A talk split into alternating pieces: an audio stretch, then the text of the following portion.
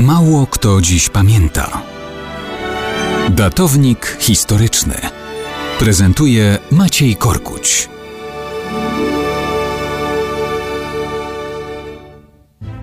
Mało kto dziś pamięta, że 19 czerwca 1955 roku zmarł arcybiskup, którego portret wisiał zresztą w domu mojego dziadka w podwileńskich Wojdatach. To arcybiskup wileński Romuald Jałbrzykowski. Jego życiorys mocno się wpisał w życie Polaków na Wileńszczyźnie i nie tylko. Urodził się, kiedy Polska była pod butem carskim. Umierał w okresie sowieckiego zniewolenia. Po drodze były dwie wojny, które zmieniły życie całej naszej części Europy.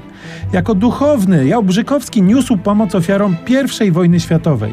Już jako biskup w 1920 roku stał na czele Komitetu Obrony Miasta przed najazdem bolszewickim. Sowieci go aresztowali, ale polskie zwycięstwa szybko przywróciły mu wolność. W 1926 roku został arcybiskupem, metropolitą wileńskim. W 1939 roku bynajmniej nie podobał się Litwinom, którzy weszli do miasta. Nie podobał się też Sowietom i Niemcom, którzy zajmowali Wilno w kolejnych latach. Aresztowany przez gestapo i internowany przetrwał rządy Hitlera. Odbudowywał archidiecezję po ponownym zajęciu tych ziem w 1944 roku przez Rosjan.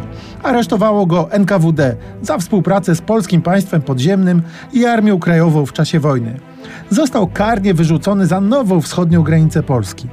Na Białostoczyźnie administrował tą częścią diecezji wileńskiej, która znalazła się na zachód od narzuconego przez Stalina kordonu granicznego.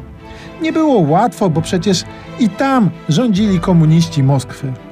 Lepszych czasów nie doczekał. Umarł w zniewolonej Polsce w 1955 roku. A portret? Po latach z domu dziadka zawędrował aż pod Kraków.